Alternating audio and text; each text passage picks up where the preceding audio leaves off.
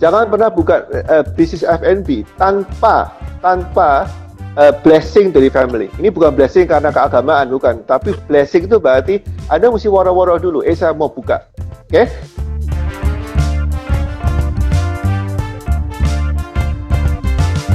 Selamat sore, teman-teman.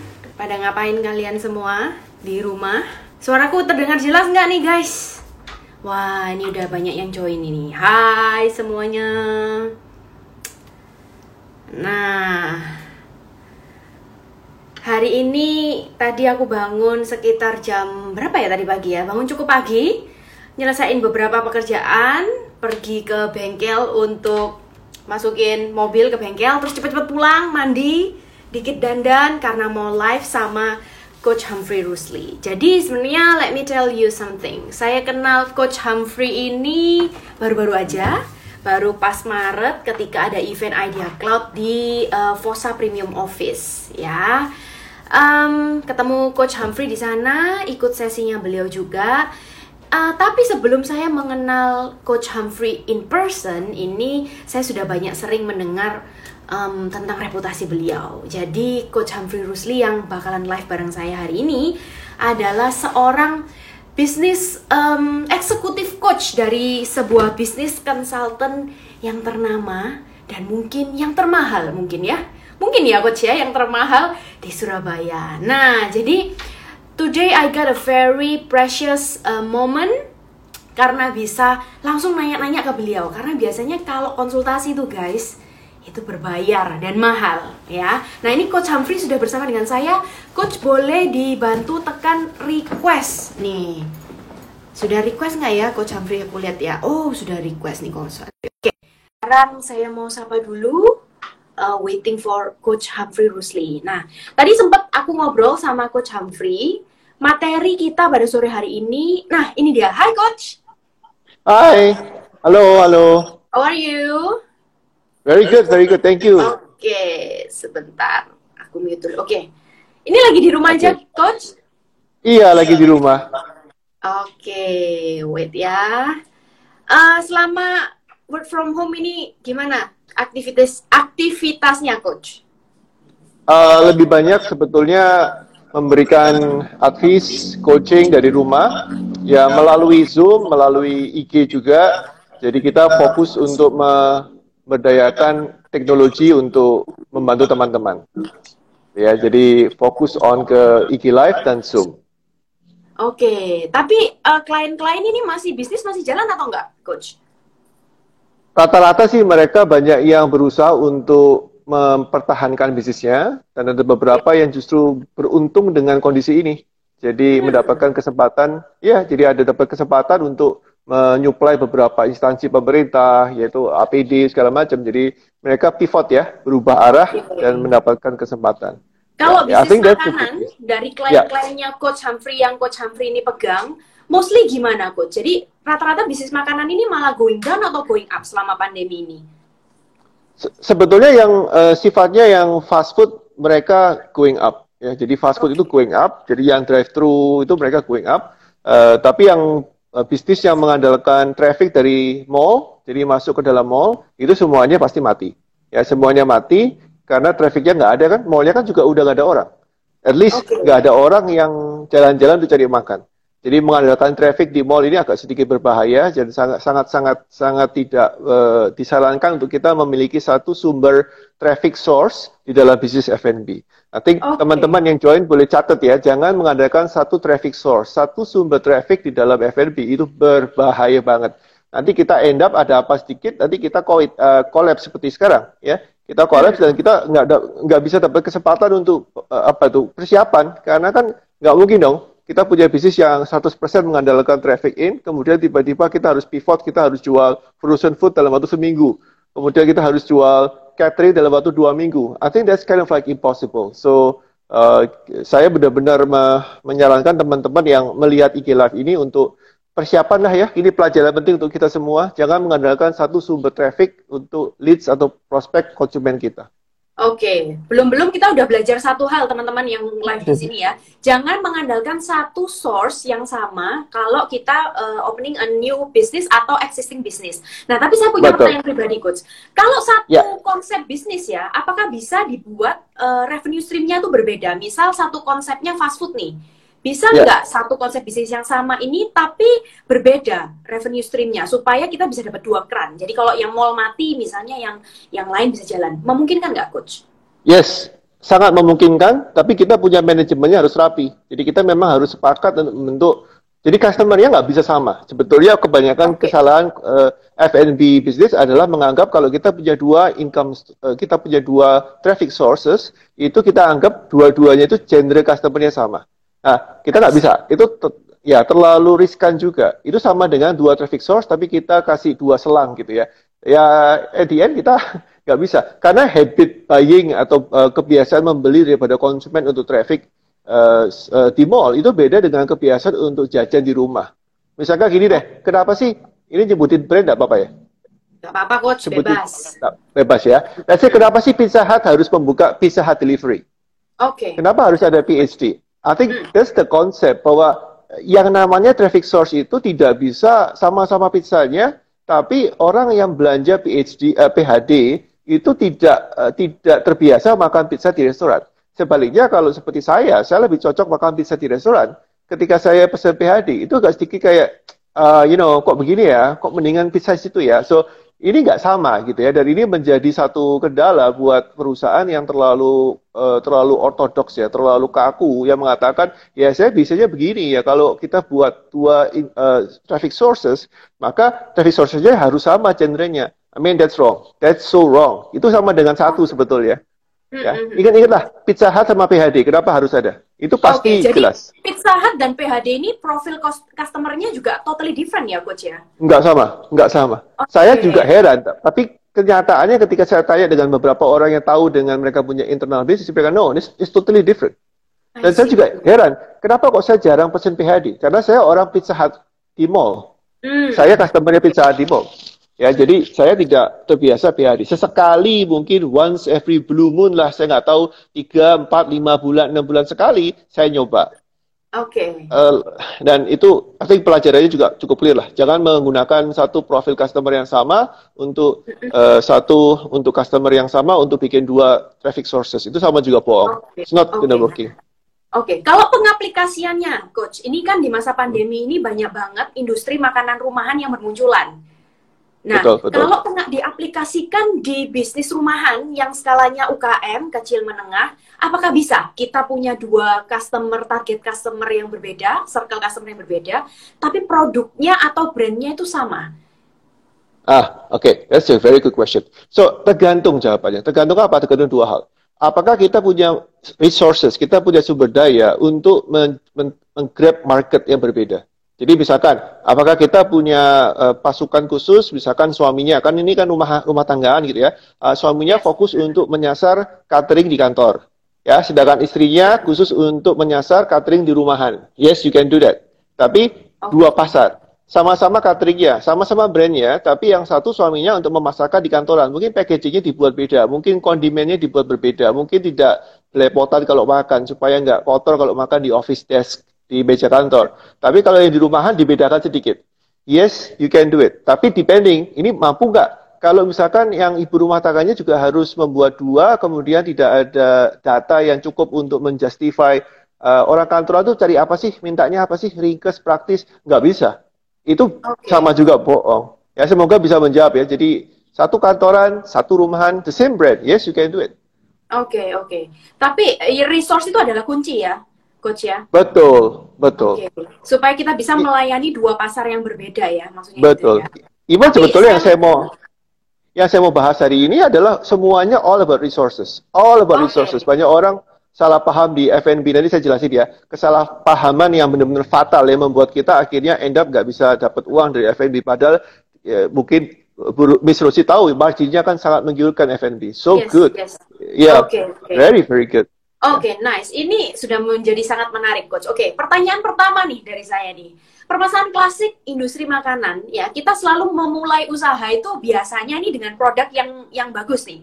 Kalau kita bicara Betul. tentang makanan coach, biasanya kalau kita Betul. punya satu produk makanan yang kita rasa itu enak, kita hmm. akan pede untuk uh, open up a new business, baik itu ya. skalanya yeah. rumahan maupun depot atau langsung ke cafe atau resto. Menurut coach ya. benar nggak sih? Intention secara intention betul. Jadi memang niatnya okay. baik, ya. Tapi eksekusinya salah. Nah ini yang saya okay. katakan. Oke, okay, saya bilang mindset dulu ya. Kebanyakan mindset pebisnis F&B itu ada dua, dan dua-duanya okay. harus dihindari. Satu adalah F&B mindset yang mengatakan, guys kita jual makanan, how how hard could that be? Seberapa sulit sih jual makanan loh? Miss Rosi, semua orang makan kan, sandang pangan papan. That's one problem. That's mindset yang mengatakan selama saya jual sandang pangan papan, selama saya jual pangan pasti laku. Itu okay. mindset satu. Tolong dibuang ya guys ya, tolong dibuang ya. Itu nggak bener ya. Kedua, mindset kedua kebalikannya ya, yaitu saya bagus banget memasak, saya jago banget memasak, And then dia mengatakan, kalau saya aja dengan cita rasa begini tinggi, ham-ham agak sombong gitu kan. Saya udah keliling Swiss, saya ke Italia, saya ke Jerman, saya ke Singapura. Kemudian saya bisa masak. Kemudian saya bilang, I'm gonna be the next Gordon Ramsay. That's okay. another problem. That's okay. another problem. So, ini adalah dua kubu, dua kubu yang harus dihindari. Yang satu adalah uh, konsep, uh, maaf kata, warung uh, warung lumayan sederhana, selalu begitu kan? Depot yeah. lumayan, depot sederhana. Hmm. Sorry, by the way, sederhana itu ada brand yang kuat juga ya. Ini bukan bermaksud untuk sana. Tapi yeah. ada juga yang menggunakan yang namanya Michelin Star Concept. I'm not saying that is wrong. I'm saying that is uh, unproven. You mesti proofin dulu. Anda mesti buktiin dulu. Itu yang harus kita bilang. The first 100 days. Oke. Okay. 50 sampai 100 days, Anda mesti buktikan. Ini yang saya mau ajarkan hari ini. Ya, okay. so ambil kertas, ambil pena, I'm gonna, uh, uh, saya akan saya akan set, uh, saya akan uh, tentukan apa tuh, saya akan titikkan one by one, step by step. You do this. Okay. Tapi ini dengan catatan belum mulai loh ya. Kalau sudah mulai lain, kalau sudah terlanjur okay. beda lagi nih. Nanti ini kita bahas. untuk yang mau mulai ya, coach ya. Tips Malu mulai. mulai ya. Kalau uh, Betul. mulai juga bisa ya, coach ya. Bisa, bisa. Oke, okay, ya. baru mulai Tapi kalau, apa? Uh, satu bulan, uh, baru, dua bulan, baru satu bulan. Baru, Baru dua bulan. Oke. Okay. Oke, okay. okay. Yeah. saya cocok nih juga coach. I will take a note also. Oke. Okay. Oke, okay, very good. Let's go. So, ini langsung mulai ya, supaya nggak yeah. habis waktunya ya. Yes. Jadi gini, kan judulnya kan gimana sih caranya kita bisa mendapatkan 100 konsumen loyal kita pertama. Yes. Sebetulnya jawabannya ada di pertanyaan itu. Ya jawabannya di situ. Loh, maksudnya gimana sih coach? Hmm. Kan pertanyaannya gimana mendapatkan 100 orang customer pertama kita. Jadi pertanyaannya itu dan jawabannya adalah apakah Anda punya 100 teman loyal Anda? Okay, I mean, right. the questions itu temannya di situ. Oops, oh my goodness. Sorry. Are you okay? okay. Yes. Okay. Ini terlalu semangat, terlalu semangat. Iya, ya? makanya ini coach. Sampai mau nyatet ini. Oke, okay, please. Apakah Anda okay. punya 100 teman loyal? Iya, apakah Anda punya 100 orang yang bisa Anda ajak ngomong, Anda minta pendapat? Oke, okay, so mari saya mulai dengan tahap pertama yang paling gampang.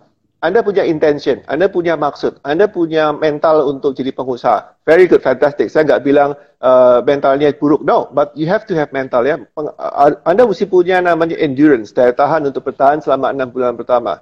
Itu itu yang paling susah, gitu ya. Sekarang pertanyaan berikutnya, ambil list, ambil uh, phone book, ambil Facebook friends, ambil Instagram friends, kemudian nominate siapa 100 orang. Literally kalau saya coach pengusaha ya, saya minta ambil buku, Hmm. Tulis 1 sampai 100. You know what happened? Baru 20 berhenti mereka. Bingung mereka. Waduh, hmm. saya mau tanya siapa ya customer saya, apa calon konsumen saya, teman baik saya bisa saya ajak untuk ngincipin. Hmm. Oke, okay, saya tambah lagi. Saya kasih waktu lagi uh, 10 menit. Paling banter cuma 30. 50 sudah jempol. Habis sudah. Sudah habis temannya. That's why, kenapa saya bilang the first 100 is very crucial. Karena kemungkinan besar orang memiliki 100 teman yang ready. Biasanya orang nggak punya. Ya, oh. saya aja paling cuma punya sekitar 20 sampai 30 orang yang ready, including family, including family. Jadi kalau teman only nggak sampai. I mean ready itu gini loh. Kalau saya telepon diangkat, kalau saya tanya dijawab, you know uh, apa tuh nggak cuman nggak cuman apa bahasa basi tapi beneran mau mau ngasih tahu itu nggak sampai 30 including family 30 okay. Nah, berarti teman-teman, terus gimana coach caranya? Nah, berarti Anda mesti minta minta izin sama your closest friends, ring satu Anda siapa? Ring nol Anda siapa? Misalkan ada orang 15, family included. Oke, okay, masukkan family ya. Kenapa? Family ini adalah orang yang pertama kali akan bantu Anda. Jangan pernah buka uh, bisnis F&B tanpa tanpa uh, blessing dari family. Ini bukan blessing karena keagamaan, bukan. Tapi blessing itu berarti Anda mesti waro-waro dulu. Eh, saya mau buka. Oke? Okay? So now the first 100. Anda mesti minta sama family. Family punya family. Extended family ya misalkan uh, Miss Rosi punya punya saudara uh, temannya suami ya saudaranya suami sepupu extended family okay. kalau sudah itu habis extended best friends you punya best friends punya best friends ya sampai 100 oke okay? so this is very real jadi very ini very technical ya jadi saya nggak ngomong macam-macam Tem temukan 100 dulu you nggak temukan 100 don't start your business Oke, okay, coach. Saya mau tanya, apakah 100 orang yang di circle kita ini, yang kita dapat dari extended family, extended best friend atau circle kita, apakah mereka pasti akan menjadi loyal customer kita? Maksudnya apakah no. mereka adalah the first customer kita? No, most likely kalau you, Anda melakukan apa yang saya akan beritahu dalam waktu 10 jam ke depan, mereka akan jadi. Tapi kalau Anda ngawur, mereka akan jadi your worst enemy. 100 worst enemy. So Alright, be careful ya. Belum selesai ya. Belum, baru dulu ya, coach ya. 100 okay. dulu. List Alright. itu 100 itu berarti kita bilang namanya prospek atau kita bilang namanya uh, kita menduga mereka akan membantu kita. Oke. Okay. Oke. Okay. So, kesalahan berikutnya kebanyakan setelah ketemu 100 bagaimana? Langsung dijualin. I mean, that's so wrong. Oke. Okay. Your job adalah bukan sell. Your job okay. adalah memberitahu, minta tolong kepada mereka selama 10 minggu, well 5 sampai 10 minggu, jadi perlu catat ya, selama 5 sampai 10 minggu ke depan, bisakah Anda menjadi sumber info saya tentang pertanyaan saya tentang uh, rasa yang Anda suka, tentang packaging yang Anda suka. At the end of itu bisa 5 sampai 10. Kalau Anda punya kemampuan bisa menghold mereka 10 minggu, that's better karena waktu itu bisa membantu Anda untuk mereview. Tapi kalau nggak ada waktu 5 minggu, let's say 10 minggu idealnya. At the end of uh, week 10, Anda kasih dia sesuatu. Anda bilang, misalkan saya bilang, Miss Rosi, um, saya mau buka kafe nih. Uh, saya minta tolong dong bantu Miss Rosi untuk jadi panel saya, panelis saya. Jadi okay. saya akan send you some ideas, kemudian tolong di kasih feedback selama 10 minggu, satu minggu satu. Jadi ada 10 feedback yang saya minta. Oke, saya ulangi lagi ya. Ada okay. 10 minggu, ini technical banget. Kalau you miss this, then you mesti lihat rekamannya. Saya nggak ulang lagi ya. yes. ya. Ada okay. 10 minggu, setiap minggu satu itu pun saya sudah uh, saya akan tulis berdasarkan apa yang pengalaman saya. Ada beberapa yang bisa dirubah, tapi most likely kita bilang satu minggu satu kepada 100 orang. There you go. So wow. you have 100 people. Let's say each ya. Week. Anda each week one. Okay. So satu minggu Anda kirim 100. Hmm. Tidak semua harus makanan ya, tidak semua harus makan. Bisa sebetulnya banyak orang yang salah. Kok saya belum mulai udah bangkrut duluan Ngapain yeah. saya kirim begitu Pak? Oh, saya bilang, lu keliru lagi. Makanya sabar dulu, saya jelasin konsepnya ya. Okay. Konsepnya adalah Anda minta mereka jadi panelis. Hmm. Ya, di mana panelis itu tugasnya adalah membantu kita untuk mendapatkan a, a, apa crystal clear view what should be done menurut mereka. Oke, okay? makanya itu kita, kita butuh teman, butuh extended family, butuh extended best friend, and so on. And then you promise sama dia, dalam waktu 10 minggu, at the end of 10 minggu, saya akan saya akan kasih Anda hadiah. Karena Anda sudah membantu saya. Hmm. Hadiahnya you bisa siapin voucher 100 ribu, 200 ribu. Ya, it takes a little bit of money. You mesti spend uang di sini. Tapi itu sama aja. Anda buang uang untuk iklan, brosur, koran selama 3-6 bulan pertama, Anda kasih free food test segala macam. Tapi you apa ya, apa ya intinya itu ngawur gitu loh, nggak hmm. terarah. Juga sama juga buang duit. Hmm. Oke, okay, saya punya tips begini ya. Jangan pernah memiliki atau gini, jangan membuat 100 ini menjadi sesuatu yang hit and run. Jadi 100 itu you random, kemudian minggu kedua 100 orang berbeda lagi. Minggu ketiga okay. 100 lagi. No, no, no, no, no. No, stick to 100 karena itu kita namanya kurasi. You kurasi 100 panelis Anda. Oke. Okay. Okay, that's so so very important. If you miss this step, most likely you will lose some money along the way. Anda akan bleed money. Oke, okay, okay. sekarang kita lihat. Week pertama, apa yang Anda minta? Ini ini ini uh, saya akan jelaskan ya. Anda kirim kuesioner dalam bentuk multiple choice. Hmm. Week pertama adalah taste cita rasa. Misalkan tergantung Anda membuat makanan Chinese food, maka Anda bilang, karena saya boleh ngomong brand di sini lebih gampang, Anda bilang cita rasa yang Anda suka, tolong centang. A seperti wok. Ya. B seperti uh, apa tuh? Imperial uh, misalnya. Jet Imperial. Ya, Tergantung you punya segmen ya. Kuali. Ya. Jadi jangan bilang asin, manis, gurih. Okay. That's confusing. You bilang okay. apa yang anda suka kalau Chinese food. Pilih hal satu. Ya, hmm. uh, kalau dua boleh nggak boleh, tapi bilang prioritas yang mana? Satu kuali, wok, jet imperial, kemudian ex usuki, kemudian ya. da da da da Ya, kasih pilihan tidak jangan lebih dari lima membingungkan. Pilihannya kalau nggak empat maksimum lima. That's it. You pilih. Oke. Okay? Now sekarang ini sudah punya nih. Dari 100 di minggu pertama, berapa persen yang memilih wok? Berapa persen yang memilih kuali? Berapa persen? You get the point.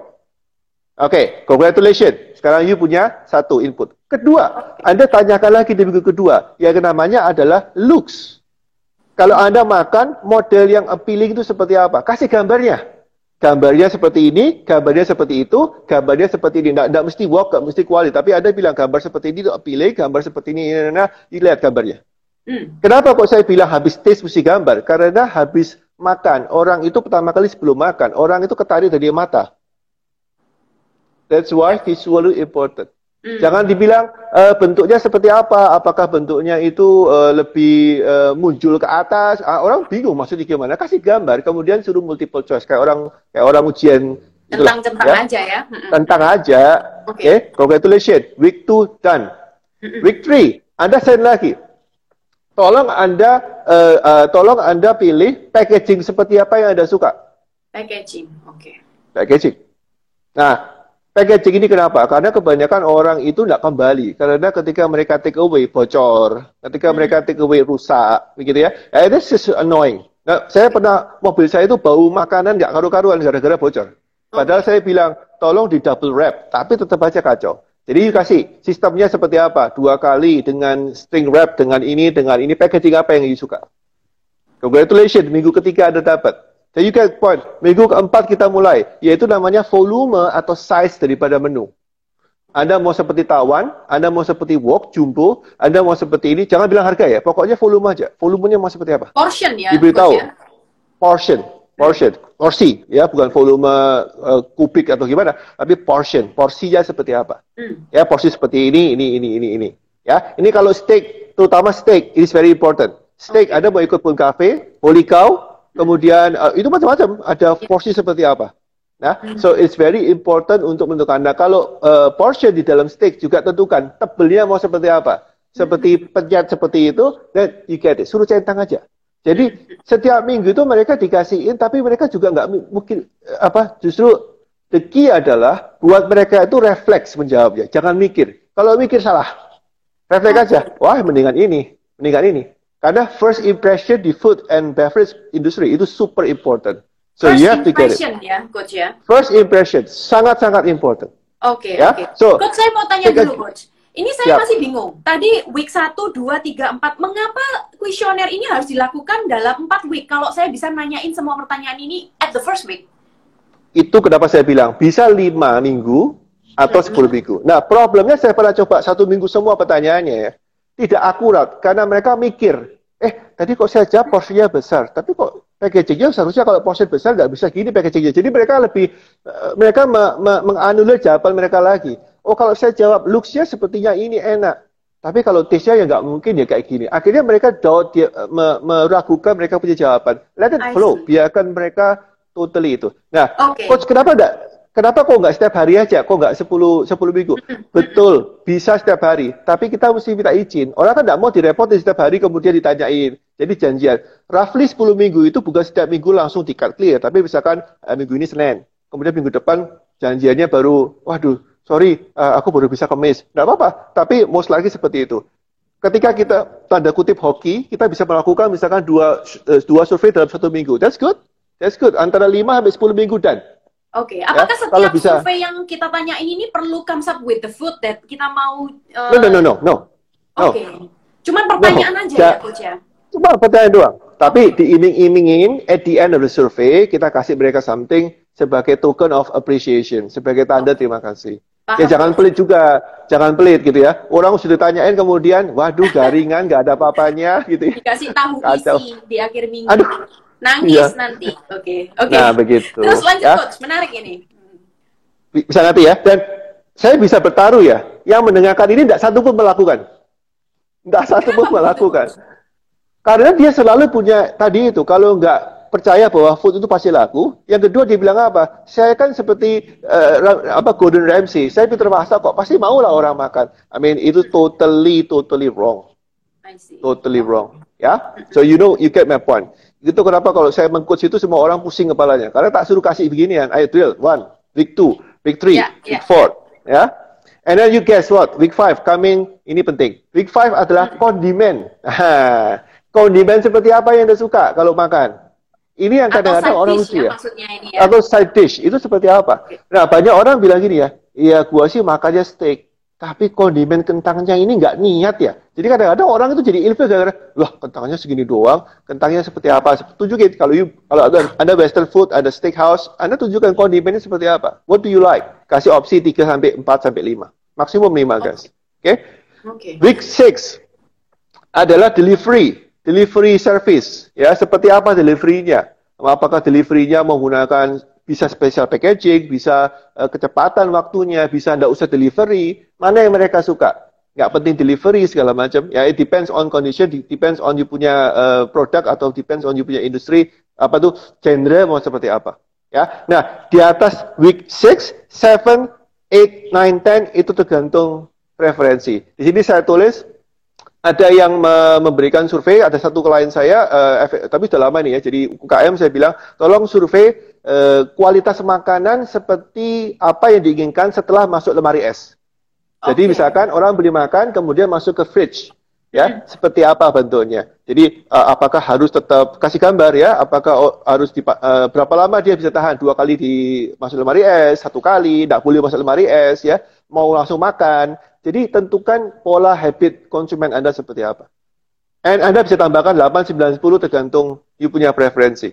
Ya, hmm. uh, ada yang sambelnya pedesnya seperti apa, ya, ada yang uh, kerupuknya itu masuk ke kondimen ya, tapi kadang-kadang orang ada spesial uh, ditambah lagi mesti ada pay yang seperti apa. It depends on it.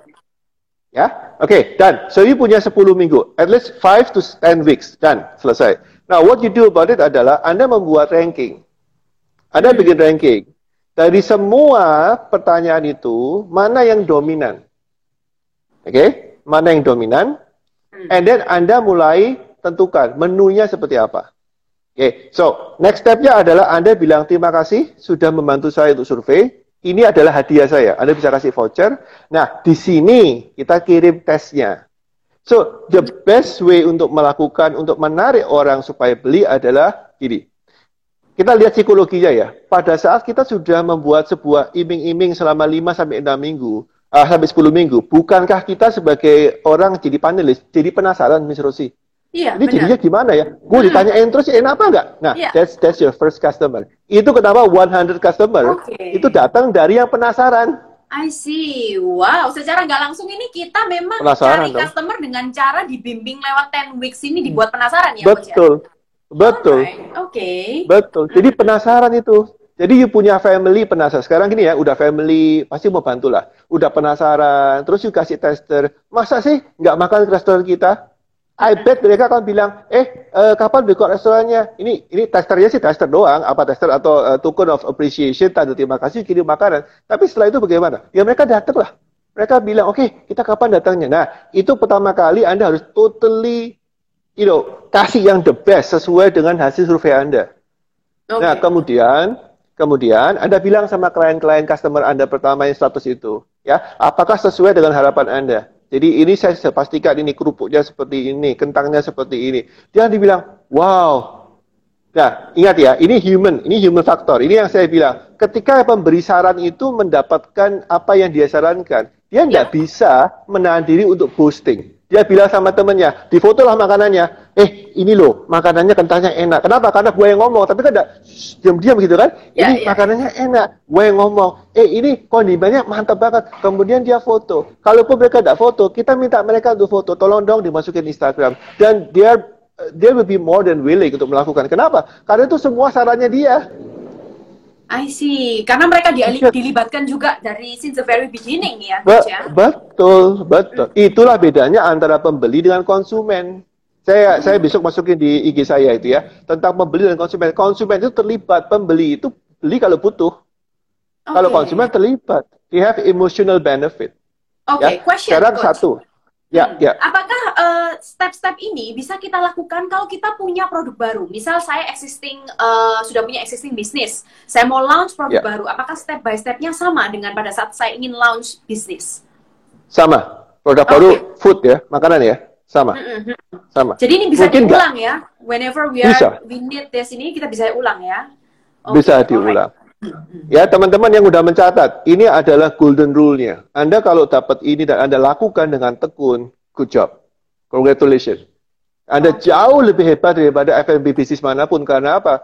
Karena Anda melakukan the legwork. Anda melakukan sesuatu yang berat di depan. Anda survei, Anda tanya, apa yang mereka lakukan? Kan rumusnya gini kan? What is the pain in the market? What is yes. the pleasure in the market? Tapi itu teorinya. And how do you do it? Masa kita tanya sama Miss Rusi, Miss Rusi, apa sih masa lalu dengan makan di depot? Mana gua tahu? Gua bilang, yeah. masalah apa ya? Ribet okay. kan? Jadi yang paling so, penting kita mesti bimbing mereka untuk acknowledge mereka punya needs dan kita bisa olah data itu untuk kepentingan kita true. gitu ya coach. True. Dan sudah sudah dia beritahu kita, dia sendiri ngiler akhirnya. Waduh, okay. ini kalau di kalau dibuatin beneran juga ya. Nah, ini saya ada kasih tips ya. Ini namanya pro, eh, pro tips ya. Setiap akhir minggu, setiap satu sesi Anda tanya, Anda kirim sampel, Anda kirim summary-nya, Anda kirim fotonya. Kak, seperti ini ya, Miss seperti ini ya, yang yang you mau. Ini sudah saya ciptakan tesnya. Nanti mereka bilang, bos, mau kirim-kirim apa foto doang, dia bilang gitu ya. Oh nanti Kak, jadi setiap minggu you kasih teaser dalam bentuk foto. Teaser lagi bentuk foto. Teaser. Itu orang udah gak kuat kadang-kadang. Udah ada, gue mau beli dulu gimana ya caranya supaya, you know, that's that's pro tips. You kasih gambar, ini teaser produk kita ya, coach ya, yang mau produk, kita jual, kita foto, betul, kita kasih ke foto, para kirim. sini ya.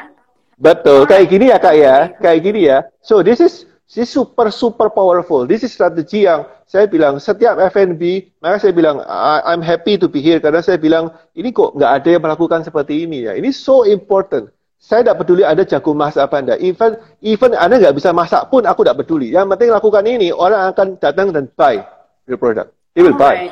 Right. Okay. They will buy. Wow, this is nice. This is uh, something new juga buat buat buat saya, coach. Karena memang kalau saya boleh cerita sedikit ya tentang uh, meminta feedback dari customer, saya riset, saya kumpulkan panelis ini sebetulnya sudah saya lakukan, coach. Tapi memang saya lakukannya dalam uh, jangka waktu yang bersamaan untuk menghemat waktu. Jadi saya kirimin Betul. produknya, saya bikin kayak list pertanyaannya, terus mereka kasih feedback gitu. Kesalahannya Betul. ini ya di ini ya, coach ya, karena mereka nanti akan bingung mengisi dari kuesioner uh, ini ya, coach ya.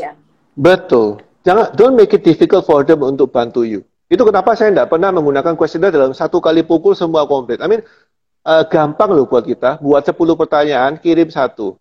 Tapi kan mereka akhirnya bisa pertimbangkan ya, like packaging itu seperti apa. Terus kalau isi seperti ini, kemudian mereka bingung sendiri. Kalau packaging seperti ini, isinya seperti ini, nggak mungkin lah saya ganti deh, ganti deh. Akhirnya okay. jadi nggak real, nggak genuine. Okay. Yang ada adalah manipulasi. I don't want manipulation, I want real answer. Oke, okay, saya punya pertanyaan teknis kalau gitu, Coach. Kalau ada hmm. satu pertanyaan in every week secara tekniklinya seperti itu, biasanya cara yang the best lewat apa? Apakah kita bikinkan Google Form atau cukup lewat WA aja lalu kita rekap? Kalau kita punya saudaranya canggih semua pakai Google Doc, lebih gampang. Google Form, okay. Doc, Google Doc. Jadi Tapi Google kalau Form uh, isinya cuma satu pertanyaan aja nih, Coach. Iya, yeah, that's it. Dia bilang, okay. uh, misalkan saya bilang, Miss Rosi, siang ini saya kirim satu uh, pertanyaan, tolong dijawab anytime you kalau ada waktu tak mungkin nanti malam kalau bisa udah bisa saya kumpulin supaya saya bisa uh, olah gitu ya. Okay. Besok pagi saya kirim fotonya, saya kirim seperti apa. Jadi orang itu kayak semacam dikasih teaser, kemudian dikasih gambarnya, ditanyain lagi. Ya. Genap 10 bulan tuh mereka sakau. Eh 10 bulan. 10 mereka 10 minggu, ya? minggu tuh mereka ya, 10 minggu tuh mereka sakau, sakau Dan beneran. Mereka penasaran eh, produknya ini gimana penasaran. gitu ya. Gimana sih? You punya tanya-tanya doang kan kita bilang tenang tunggu tanggal mainnya kita mau launching sekarang begitu launching launching you undang mereka berapa persen kemungkinan mereka akan datang dari 100 itu mungkin 70 60 persen di welcome kemudian tetangganya bilang buset itu baru buka kok rame banget ya nah, kan nggak okay. tahu di balik okay. mereka kerjanya seperti apa so that's how you do things dari yeah. 100 orang ini apakah perlu kita sortir sekiranya yang sesuai dengan target market kita apa atau nggak perlu? Pokoknya 100 orang kita kumpulin uh, target market atau bukan, uh, kita tanya, menurut coach gimana? Oke, okay, itu pertanyaan bagus. Jadi depending dari kondisi uh, uh, regional ya. Jadi misalkan kalau kita buka di daerah Kediri, misalnya bagusnya kan apa tuh? Pecel Kediri ya? Apa sih? Ya. Madiun. Uh, Madiun kalau nah, pecel itu. Madiun pecel ya. Kalau Kediri kan tahu misalkan ya. Misalkan di Kediri tahu atau di Madiun pecel. Nah, saya sarankan sebetulnya kita kalau buka makanan yang sejenis seperti itu, kita tidak bisa terlalu rewel karena itu makanan semua makan. Okay. Tapi kalau kita membuka depot steak, depot uh, Chinese food, depot high end, kita mesti pilih 100 itu panelisnya siapa. Itu kenapa kita bisa menentukan 100 itu. Oke, 100 orang ini ada kumpulin ya. Belum tentu loh satu minggu dapat 100 ini, belum tentu loh. Satu minggu kerja nggak kelar loh, 100 ini belum. Ada yang dicoret, wah ini nggak bisa ini, dia nggak mau, ini nggak mau. Akhirnya coret sana, coret sini, coret, ah, dapatnya bisa dua minggu baru dapat 100 itu yang mengatakan yes, I will help you. Ya jadi sesuai dengan uh, sesuai dengan genrenya. Kalau genrenya adalah makanan yang sifatnya umum, public uh, food ya, makanan sehari-hari, uh, pecel, tahu, yuk hajar semua, hajar. Okay. Tapi kalau special food jangan, kacau nanti. Oke. Okay. Jadi misalnya kita mau buka kafe untuk anak muda, lebih baik 100 orang ini memang di usia range usia target market kita ya, coach ya. Ya, dan Anda bisa masukin nanti di uh, questionnaire nomor 7, 9, 10. Misalkan, eh, 8, 9, 10. Misalkan, apakah Anda nyaman dengan rokok apa tidak? Ya, kafe dengan rokok apa tidak? Apakah, bukan rokok, apa tuh yang elektrik itu? Uh, vape ya, vapor, vapor. Vape, vap, ya vapor, ya, vapor. Ya, apakah uh, nyaman? Jenis lagunya seperti apa? Suasananya okay. seperti apa? Ya, jadi itu pun juga jangan ditujukan uh, ruangannya dingin, sedang, panas. Tunjukkan tempat yang populer di daerah Anda. Seperti ini, seperti itu, seperti itu ya seperti misalkan aku uh, suasananya suhunya sama dengan seperti di uh, warung abnormal Sa okay. sama dengan di hotel mana apa pun apa pun yang yang sederajat gitu ya okay. dan ini membuat kita ya dan ini membuat kita sangat jelas maunya seperti apa Loh, Very clear. kalau misalnya kita menggiring orang dengan memunculkan brand yang mereka tahu kalau kalau misalnya kafe atau uh, bisnis konsep saya ini blue ocean yang nggak pernah ada bagaimana saya bisa menarik ini untuk uh, untuk untuk kepentingan uh, bisnis saya? Good, very good question. Ini lebih susah lagi. Yang kita bilang namanya you mesti breakdown. Blue Ocean berarti kan sesuatu yang sangat unik sekali. Maka Anda mesti breakdown cita rasa seperti apa yang Anda mau sell kepada mereka. Kemudian Anda cari contohnya. Misalkan Anda menjual uh, misalkan pate atau menjual apa itu duck liver itu apa namanya? Uh, uh, uh, kok sekarang lupa namanya? Uh, iya. Foie gras foie gras. ya. foie gras ya. Misalkan Anda menjual foie gras. Nah, foie gras ini paling mirip dengan misalkan makanan apa gitu. Anda mesti cari. Oh, ada okay. bisa ada breakdown the taste. Anda breakdown the taste. Ya, Anda bilang saya akan membuka makanan depot makanan yang sangat high end. Ya, makanan ini seperti ini, uh, foie gras itu seperti ini. Anda suka seperti apa? Apakah Anda suka misalkan sate kambing, cita rasanya? Apakah Anda suka uh, sate sapi, gitu ya? Anda pilih cita rasa seperti itu dan Anda tahu, you punya taste buds, Nah, kalau ini harus ada chefnya. Kalau seperti ini you tidak bisa masak, ya you hire chef. Ya, karena kalau enggak hancur itu makanannya. Ya, Anda mesti yeah. bilang, oh ternyata uh, 80% suka cita rasa yang ada ada giminya. Giminya itu berdaging gitu ya. Ada gimi itu uh, uh, cita rasa yang ada bau dagingnya, ada yang nggak suka dagingnya gitu ya. Dan itu akan membuat Anda lebih uh, on point sesuai dengan apa yang mereka minta. Oke, okay. ya. dari so, uh, data yang kita dapat ini, coach, apakah kita langsung pukul rata mayoritas ngomong apa kita bakalan bikin seperti itu atau bagaimana? It's really up to you. Kalau you percaya dengan makanya 100 panelis ini adalah anda yang percaya mana. Kalau you percaya berarti ikutin. Tapi kalau anda merasa bahwa rasanya 50-50 deh, 50 orang jawab A, 50 orang jawab B, dan you decide, nggak apa-apa. Tetap bisa ada salah, tapi minimum salahnya itu bisa ada minimalis. Misalkan Oke okay lah, saya kalahkan uh, volumenya karena volumenya menurut saya nggak masuk di kita punya cost food cost ya. Orang minta volumenya jumbo. Oke, saya kalahkan volumenya, tapi saya menangkan di kondimennya karena kondimennya mereka suka seperti ini. You know, you play around with that 10 itu sehingga Anda mendapatkan formula. Kita pilih namanya winning formula. Formula seperti apa yang Anda bisa dapat untuk menarik hati mereka. Oke, okay, tapi winning formula ini memang harus diformulasikan dari uh, data yang kita dapat di 10 weeks ini ya, Coach ya? Betul. Dan apakah setiap usaha makanan, dari saya berjualan gorengan misalnya, sampai saya mau bikin fine dining, ini bisa diterapin, Coach? Bisa diterapin. Oke. Okay. Bisa, cuma Pokoknya kalau fine dining lebih... saya berjualan bisa. makanan ya, selama berjualan yeah. makanan, ini bisa diterapin ya, Coach ya? Bisa diterapin. Oke, okay. alright. Setelah, setelah kita dapat data, kita tahu kita bisa bikin produk yang kurang lebih sesuai, kita launch. Lalu what is the next critical point untuk kita? The next critical point adalah minta mereka 100 itu untuk memberi referral. Kenalin hmm. dong to the next 100. The wow. next 100 hmm. itu adalah orang-orang the extended family-nya dia. Kalau Anda suka Kak Rosi, bisa dong saya dikasih nama, nanti kita send testernya. Nah, sekarang Anda tidak boleh pelit, karena you dapat uang sudah dari you punya first okay. customer. Jangan dibuat foya-foya dulu, ya hmm. uangnya itu dibuat untuk tester. Untuk tester, kasih kepada mereka. Ya, jadi you minta mereka kasih testimonial, Anda masukkan ke dalam you punya vlog, Anda punya blog, Anda punya whatever it is, testimonialnya itu, kemudian Anda minta, ada nggak referral saya kirim nih, contohnya oh kalau makanan gini ini si tante itu suka, ini si om ini suka, oleh omnya siapa namanya, saya kirim free of charge. Oke. Okay. Gitu ya. Nanti bahkan saya punya tips ini ya, saya punya tips, this is, tolong dicatat ya. Ketika okay. Anda mengirim referral, mengirim tester itu, tolong sebutkan yang kirim itu atas kebaikan hati dari Miss Rusi. Oke. Okay. Rusi yang kirim. Jadi bilang, hai, hai Om Wati, eh Om Wati, Tante Wati, gitu ya ini uh, saya dari uh, apa namanya Depot ABC, ini si Kak Rosi suka makanannya, ini si Kak Rosi bilang tolong kirim ke Kak Rosi uh, cordially dari Rosi. Jadi okay. bilang Kak, saya minta you punya nama, you kirim ya. Jadi nanti thank you-nya ke kakak, jangan ke saya. Oke, okay. jadi gini, kita send wow. itu on behalf of uh, on our behalf, ini ya. Betul. Okay. So, Kenapa boom. kita mesti ngelakuin ini? Man, this is psychology 101. This is oh. psychology 101. Sekarang siapa yang lebih ngotot? untuk memastikan bahwa orang itu suka. Ya dialah ya, yang kirim. Uh, lah, betul. Alright. So what, what you need to do adalah memainkan mereka punya emosi secara positif dan mereka merasa berhutang budi kepada you. Dan mereka bilang, come on man, this is good. Come on, eat. Bahkan dia bilang, eh Rosi, itu si teman-temannya yang saya kasih itu dia bilang suka, suka kok. Jadi kita nggak usah tanya, mereka yang sibuk tanya, suka nggak, suka nggak? Karena okay. gue yang kirim gitu ya. Jadi kita bilang seperti itu. Ya? Berarti Nggak kita semua ini mau ada advocate customer ya, coach ya? Yeah. The first six months, three to six months, ini permainan kita. Jadi nggak ada hubungannya dengan yang namanya uh, uh, personality chef-nya seperti apa. Ini uh, I'm sorry to say kepada semua chef yang mendengarkan, tidak ada hubungannya, tidak ada hubungannya dengan personal brandingnya chef-nya seperti apa. Itu nanti on a later hmm. stage kita pakai uh, hmm. PB atau personal brandingnya dari chefnya. Tapi sebelumnya jangan ngurusin itu dulu, terlalu complicated, nggak ada hubungannya. Okay. Hmm, hmm, We need to start with this 100 ini yang nantinya akan jadi advocate customer kita to find Betul. another 100. 100. Uh, uh, ya coach ya, oke. Okay. Yeah, another okay. 100. Another you bisa melakukan ini sampai tiga, you bisa melakukan sampai tiga kali. Satu dapat ya? 200, 200 dapat 300, 100 yang ketiga.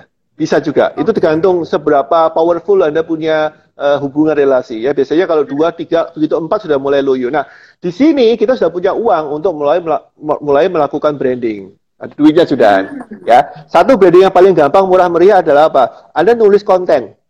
Ini nulis konten tentang uh, cara uh, apa namanya kenapa kok food uh, makanan di tempat saya ini populer You beritahu kontennya. Jadi kontennya seakan-akan ngajari tapi promosi. Kenapa tempat saya ini uh, kerupuknya laris? Anda buat seperti itu, headline-headline seperti itu. Itu membuat orang kepancing. Apa iya kerupuknya laris ya? Apa iya petinya enak ya? Begitu ya. Ini caranya kita memasak pete. Ini caranya kita. Jadi orang itu yang sudah ada. Kemudian Anda sebarin ke mana?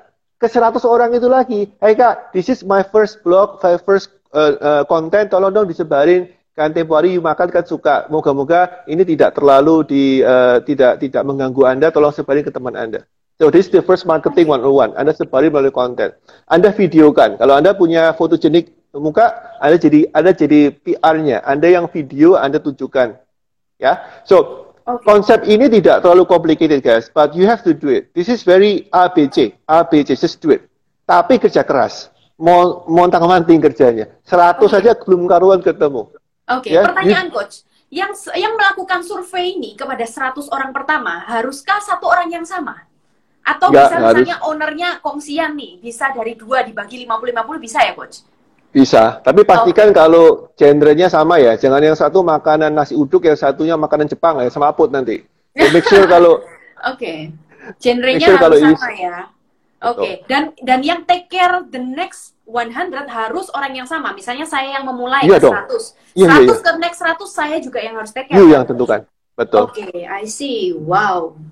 Great, great, great. Nah, ini kira-kira prosesnya memakan waktu berapa lama, Coach? Dari 10 minggu pertama sampai kita lakukan 2 sampai 3 kali? Kalau proses-prosesnya korek dan kita kerja keras, I think 3 sampai 5 bulan selesai. Kita okay. sudah dapat 200 sampai 300. Okay. Ka kalau di masa pandemi ini, Coach, katanya kudu agile, kudu cepat. Apakah ini masih tetap bisa diterapin? Padahal kita butuh 5 months untuk untuk ya ini kan masih uh, starter ya, awal ya. Betul. Betul. Dan you balik urutannya. Urutannya bukan dari taste dulu, tapi dari sisi, safety-nya. Question yang pertama adalah safety. You balik urutannya ya. Jadi mungkin kalau di kondisi non-pandemic, uh, pertanyaan minggu ke-10 baru berhubungan dengan sanitasi, kebersihan. Ini baliklah yang pertama. Seperti ini sanitasinya, seperti ini model packagingnya dibalik. Taste tapi mesti nomor 2 dan nomor 3. Nggak bisa kalau taste nomor 10, nggak ada yang mau beli gitu ya. Yeah, yeah. Uh, and then saran saya yang kedua adalah anda mulai cepat untuk masuk ke dalam yang kita bilang namanya uh, internet tribe. Ya. Internet tribe itu adalah sub, uh, kelompok di internet yang memang gemar makan. Anda mesti deketin orang itu. Anda bisa cari hashtag, hashtagnya pakai hashtag di Instagram. Anda bisa cari eh, tulisan-tulisan tentang food blogger. Um, anda bisa deketin ke orang-orang yang memang senangannya belanja-belanja online itu. Minta mereka pendapat. Jadi bukan ke family, tapi ke mereka langsung. Ya, jadi Anda taruh cari di uh, tanda kaca pembesar itu di Instagram, kemudian Anda tulis hashtag explore kemudian makanan Jepang. Nanti ada beberapa uh, orang yang jual, kemudian ada orang lihat di situ. Mereka mintanya apa? Jadi okay. supaya cepat ya. Jadi di komen kolom komentarnya kan ada tuh makanan Jepangnya enakan gini kak. Nah di situ saya catat. Sama juga kerja keras. Itu mata sampai perih itu liatin Instagram satu-satu pertanyaannya dicatat, dikatok namanya kata dikategorisasikan gitu ya. Tapi ini tidak bisa apa. menggantikan proses kita bertanya ke 100 lo Gak bisa. loyal customer ya coach ya. Ini Gak bisa. Itu paling powerful. Aja. Kita kayak sebagai ya. insight aja ya. Betul. Jadi okay. instead karena kalau kita ketemu 100 itu kan kalau pandemi kan susah. Mau gimana? Ya. Kita kirim pakai Google Docs juga bisa, tapi kan jadi mereka juga nggak terlalu ya masih bisa lah, tapi agak sedikit uh, lambat. Nah, suplemennya Anda cari di hashtag itu di Instagram, Anda cari di komentar-komentar orang yang pernah beli makanan Jepang, misalkan makanannya ini kok gini ya, mestinya begini, Anda catat, kemudian dicariin, sampai ketemu mayoritas benang merah seperti apa. Oke. Okay. Yeah, that's, that's Sekarang, my suggestion. Oke. Okay. Bagaimana cara menentukan pertanyaan yang tepat untuk bisnis kita? Kalau di awal kan tadi kok sudah kasih tahu nih, taste, looks, packaging, volume. Berikutnya kita uh, tahu dari mana kalau kita itu menanyakan hal yang tepat dan sesuai untuk bisnis kita, coach apa yang kita banggakan dari bisnis kita. Kalau kita banggakan dari sisi uh, suasana kafenya, maka masukkan kafe itu di kedua 6 sampai 10 tentang suasana uh, jenis musiknya, jenis uh, audionya. Itu kalau kita banggakan suasananya. Kalau kita banggakan tentang misalkan apa ya uh, customer service-nya atau mbak-mbaknya yang cantik maka kita bilang foto seperti ini seragamnya seperti ini kalau kita mengandalkan kecepatan delivery-nya kita beritahu almatnya it really up to you apa yang anda banggakan tapi the first five itu ada berhubungan dengan kondimen tentang packaging tentang rasa tentang uh, portion itu harus ada semua okay. so it's like the, the second five itu lebih flexible you, you can okay. actually do whatever you want di situ Now I'm curious why 100? Kenapa nggak 50 or even 150? First, so you know F&B is very hard business, supaya you tahu, nggak gampangan gitu ya. Karena pada eh, rata-rata, uh, pada umumnya, untuk mendapatkan 100 kuesioner, itu orang membutuhkan lebih dari 100 kuesioner. Anda membutuhkan sampai 200, 300. Jadi biasanya data valid yang bisa Anda pakai itu kurang lebih 70 sampai 80 persen dari 100. Itu yang sisanya jawabannya keliru, uh, Anda melakukan kejelasan jawabannya, Anda nggak yakin dengan jawabannya, you know, antara 70-80 persen, which is good enough. Tapi kalau Anda cuma tanya kepada 5-10 orang, come on man, itu nggak mewakili sama sekali, terlalu sedikit. Dan ingat, kita butuh 100 first customer. Ya, let's say 100, 100 customer, you spend satu customer adalah 200 sampai 100 ribu. Maka kita punya 100 ribu kali 100, which is 10 million. Ya, itu kan itu nggak? 100 ribu, ya betul. 100 ribu kalau satu porsi kali 100 orang. You have your first 10 million rupiah revenue. Which is about uh, 50 persennya profit. Dan Anda dapat 20 juta. Itu 10 juta berikutnya dapat dari mereka. Nah kalau Anda cuma dapat cuma 50 kuesioner yang dijadikan customer, Anda cuma dapat sedikit, nggak cukup. Karena ingat, uh, tahap berikutnya adalah Anda mesti punya uang untuk kirim testernya, untuk memberitahukan kepada hadiah atas yes. nama Kak Rosi untuk sana. You have to have money.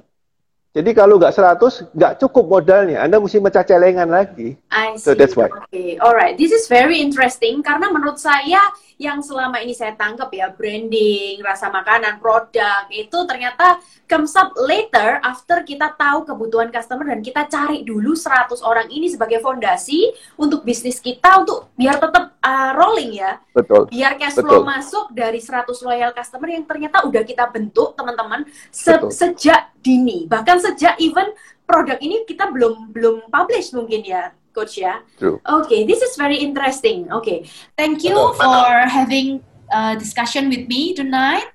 It was really pleasure. inspiring session. Terima kasih buat teman-teman yang udah nonton juga. Kalau teman-teman suka belajar lewat online, Coach Humphrey ini rutin banget upload konten di Instagram beliau di @humphrey underscore Underscore. Rusli. Rusli. Okay, Yeah. you guys can can follow him and probably maybe kalau ada uh, discussion a little bit di DM pasti beliau juga balas. Oke, pintar people, thank you for listening this podcast. I hope uh, this podcast can inspire you to get your first loyal 100 customer. Semoga berguna. Thank you so much for Coach Humphrey untuk bisa isi bareng-bareng dan semoga berguna untuk semua pintar people di sini. Thank you Coach Humphrey. Sama-sama, my pleasure.